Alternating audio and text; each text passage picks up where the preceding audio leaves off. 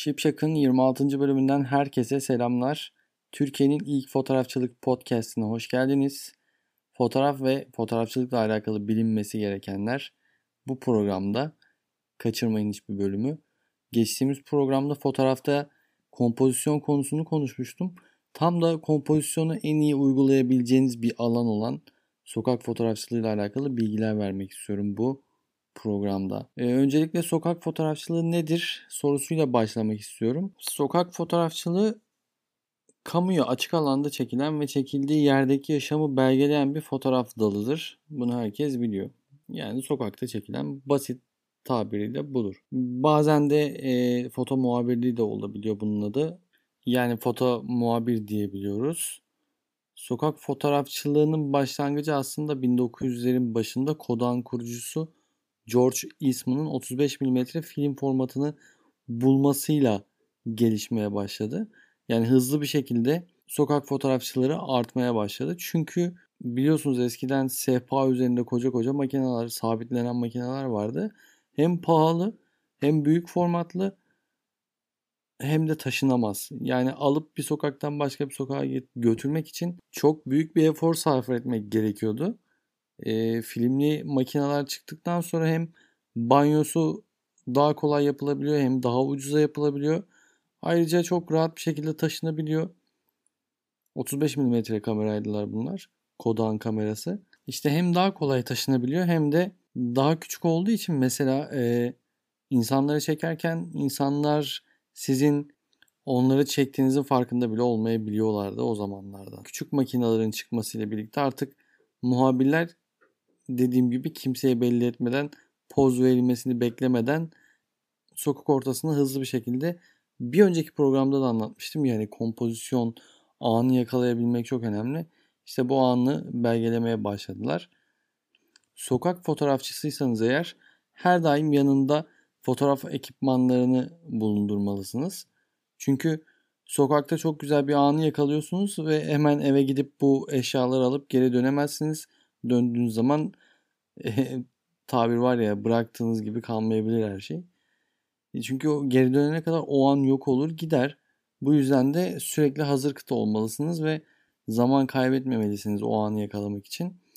Yani sokak fotoğrafçılığı aslında eve koşup makinenizi almanızı, doğru lensi takmanızı, ışığa göre gerekli ayarlamayı yapmanızı, kadrajı oturtmanızı, odaklamanızı, işte karar verip hatta fotoğraf çekmenizi beklemez sokak fotoğrafçılığı. E tabi artık e, gelişen teknolojinin verdiği bize sunduğu makinelerle çok daha rahat bir şekilde çok daha hızlı bir şekilde işler yapabiliyoruz aslına bakarsanız. Bunlardan dolayı hani kolay gibi gözükse de sokak fotoğrafçılığı ciddi zaman ve emek harcanması gereken bir iştir. Sokakta fotoğraf çekmek bazılarımız için hatta utandırıcı da olabilir ya da kendinizi suçlu da hissediyor olabilirsiniz sokakta fotoğraf çekerken. Ee, bazı insanlar dışarıda çekim yapmayı, eline kamerayı alıp çekim yapmayı çok fazla istemezler. Ee, ama bu duygulardan tamamen ayrılıp hatta bu duyguların tamamen kendinizden gitmesini sağlayıp tüm algılarınızı açmalısınız. Yani etrafı çok iyi gözlemlemelisiniz ki sokakta yakalayabileceğiniz anları bu yüzden de kaçırmayın. Yani başınız önünüze eğik bir şekilde sokakta dolaşıyorsunuz. İşte ben gideceğim şurada çekeceğim ama oraya gidene kadar hiç karşıma bir şey çıkmaz diye beklemeyin. Sokakta her an karşınıza bir şey çıkabilir. Yani bir de daha böyle pratik olması açısından çekim yapacağınız alanı iyi de tanımanız önemli. Yani gölgenin ve ışığın nerede daha çok olduğunu. Ben mesela şu anda e, daha önceki bölümümde de anlatmıştım. Bir önceki bölümde de fast fashion yaptığım için yani hızlı moda çekimleri yaptığımız için belli alanlarımız var ve o alanlarda güneşin hangi saatlerde daha fazla gölge yarattığını biliyorum. Nerede yarattığını biliyorum daha doğrusu. Belli saatlerde de hangi bölgelerde daha az gölge olduğunu, daha fazla güneş olduğunu biliyorum artık. O alanlar benim için sabit bir yer. Ve hep bu sabitlikte çekim yapmaya devam ediyorum. İşte siz sokak fotoğrafçısı olduğunuz için mesela o günkü hava koşullarına bağlı olarak makinenizin ayarlarını yapabilirsiniz. Belki bu size hani ufak tefek de olsa bir zaman kazandırabilecektir. ışık ve gölgeyle oynayabilirsiniz gün içerisinde. Ben özellikle gün batımı ve gün doğumu saatleri sihirli saatler diyorum. O zaman gölge ve ışıkla iyi şeyler çıkartabiliriz bu yüzden de. Yani bilmiyorum hatırlıyor musunuz? Geçtiğimiz zaman içerisinde pandemiden de önceydi galiba. Tam olarak hatırlayamıyorum zamanını ama bir ara fotoğrafçı bir fotoğrafçı arkadaşımız sokakta çekim yaparken izin almalı mıyız yoksa almamalı mıyız tartışması yaşamıştı. Yaşatmıştı daha doğrusu. İnsanlara Twitter'da falan bayağı olay oldu.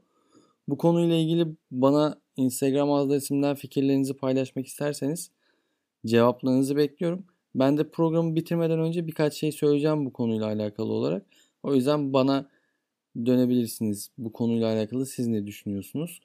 Cevaplarınızı bekliyorum. Hemen sanat tarihinde yüzyıllar boyunca çeşitli türler de ortaya çıktı. Ondan da bahsedeyim. Siz cevabınızı düşünürken.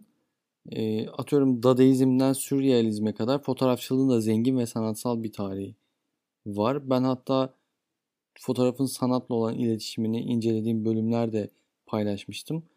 Dilerseniz bir önceki bölümlere de gidip fotoğraf ve sanat ilişkisine bakabilirsiniz bölümlerimden. Mesela humanist fotoğrafçılık adı verilen yeni bir tarz çıktı.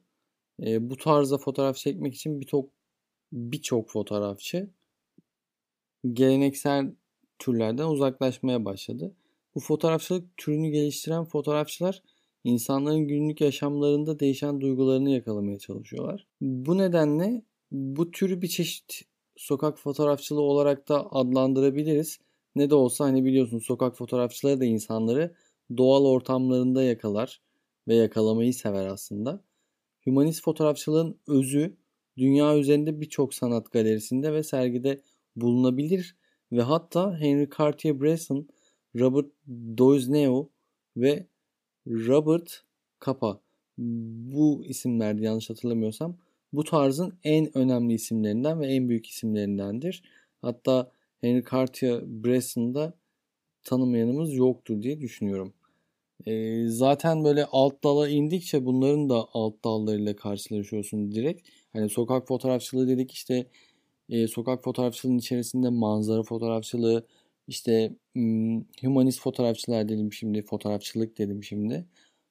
Ve humanizm ile alakalı, humanist fotoğrafçılıkla alakalı çekim yapıyorsanız bunun da alt dalı oluyor. İçine şiirsellik giriyor vesaire başka alt dallar daha eklenebiliyor. Ama ben sadece hani sadece sokak fotoğrafçılığını incelediğim için sokak fotoğrafçılığının temel terimlerinden devam edeceğim programıma. Bir de bir diğer önemli soru şu sokak fotoğrafçılığı ile ilgili. E, pek çok yerde de okuyorum aslında. Sokak fotoğrafçılığının en önemli kuralı nedir? Yani iyi bir sokak fotoğrafçısı olmam için bana hangi kurallar gerekli? Ben bu cevabı hep aynı veriyorum ve asla bir kural olmadığını söylüyorum. Çünkü yani kurallar kurallar fotoğrafçılık herkesin bildiği gibi bir sanattır. Matematik problemi ya da bir, bilim dalı değil. Yani bir bilim dalı olsaydı belki onun kurallarına göre uygun hareket edebilirdik. Nipsey'nin ilk fotoğrafı çektiği günlerden beri fotoğraf çekimi için birçok kurallar geliştirildi. Örneğin işte ufuk çizgisi yataylı, üçte bir kuralı, perspektif, alan derinliği, e, objenin hareketi, diğer nesnelerin çerçeve içindeki yerleri, denge, ışık ölçümleri gibi böyle listeyi alabildiğince uzatabilirim. Bu parametreler yüzünden fotoğraf çekerken bazen değerli zamanları kaybediyoruz. Az önce de bahsettim. Ee, mesela hazır ayarlarınızı günün o günkü ışığına göre işte hava durumuna göre ayarlayın demiştim ya. İşte fotoğrafçılık konusunda ortaya çıkan her ekol bu kurallara yenilerini ekleyerek veya değiştirerek devam etmişlerdir. Bu kuralları uygulamaya çalışarak göze batan hatası olmayan fotoğraflar çekmeye çalışırsanız çoğu kez sokak fotoğrafçısının yani sokak fotoğrafçılığınızın yaratıcılığını kaybedersiniz. Sokak fotoğrafçılığında amaç kuralları tamamen bırakarak aslında hareket etmektir. Yani sokak fotoğrafçılığın yaparken şunu söyleyemem size. Yolun tam ortasında altın oranda bir çekim yapın abi. Yani her iki yandan da üstlerden ve altlardan da eşit oranda uzaklık olsun objeye, nesneye, çektiğiniz alana. Yani böyle bir kural yok. Veyahut da böyle bir kurallar silsilesi yok. Bu yüzden sokak fotoğrafçılığında amaç kuralları tamamen bırakıp dediğim gibi kuralları değiştirmek veya yıkmak değil. Yani kuralları yıkın değil. Zaten hani fotoğraf çekebilmenizin de belli başlı kuralları var ama fo- sokak fotoğrafçısıysanız da bu kuralları yıkmadan ama onları kullanmadan devam etmeyi ve daha farklı fotoğraflar, daha farklı anlar yakalamaya çalışmayı bence kendinize amaç edinmelisiniz. Bu yüzden bir fotoğrafçının fotoğraf makinesi dışında en bence gereksinim duyacağı şeylerden bir tanesi isteği yani istekli olmanız, açık görüşlü olmanız ve yaratıcı olmanızdır. En önemlilerinden üçü de bu diyebilirim. Ee, son olarak da az önce sorduğum soruyu da bölüm sonuna gelmişken kendimce cevaplayayım. İşte sokak fotoğrafçılığı yaparken izin alınmalı mı alınmamalı mı tarzında bir soru sormuştum ya. Bence bunun cevabı kamu alanı olsa da her insanın kendine ait bir özgürlük alanı var. Siz ne kadar ben dışarıda özgür bir şekilde fotoğraf çeke, çekerim diyorsanız ve ticari amaç gütmüyorsanız tabii bunun içerisinde herkesten tek tek izin alma imkanınız yok. Yani bir geniş bir alanı çekeceksiniz ve bir sürü insan var. O insan kalabalığını çektiğinizde onların hepsinden izin alabilme gibi bir durumunuz söz konusu değil. Yani herkesi teker teker izin almaya gitsen zaten o kalabalık dağılır akşam herkes evine gider. O yüzden bence bu fotoğrafçının kendi etiğiyle alakalı olmalı. Yani belli başlı etik kurallarını aşmadığın sürece e, insanlığı da rahatsız etmediğin sürece aslında bakarsanız sokakta fotoğraf çekmenin bir sakıncası yok. Ve herkesten dediğim gibi izin alamayacağınız için sokak fotoğrafçılığı da özgür bir alan olduğu için yine dediğim gibi etik kuralları aşmadan insanların mahremine ve özeline girmeden izinsiz fotoğraf çekilebileceğini düşünüyorum. Tabii ki de bu dediğim şartları yaptığınız takdirde yine de bu konunun tabii ki de e, müsebbibi diyeyim hukukçulardır. Büyük ihtimalle de çözülür diye düşünüyorum artık. Birebir mesela bir bireyin yanına gidip hiç izin almadan çat diye fotoğrafınızı çekmek tabii ki de etik bir şey değil ve bu karşıdaki insanın size dava açabilmesine kadar gider. O yüzden siz siz olun. Çok yakından kimsenin böyle fotoğraflarını yüzünün belli olacağı şekilde çekmeyin. Yine dediğim gibi belli başlı etik kurallarınızın olması hem kendi sağlığınız açısından hem kendi sinir ve stresiniz açısından daha yararlı olacaktır diye düşünüyorum size. Çünkü elinizde bir de fotoğraf makinesini gören insanlar sizin bununla alakalı para kazandığınızı düşünerek hareket ediyorlar ve bazen fotoğrafımı sil işte niye izinsiz çekiyorsun tarzında diyaloglara da girebiliyorsunuz. Yine de sessiz olun.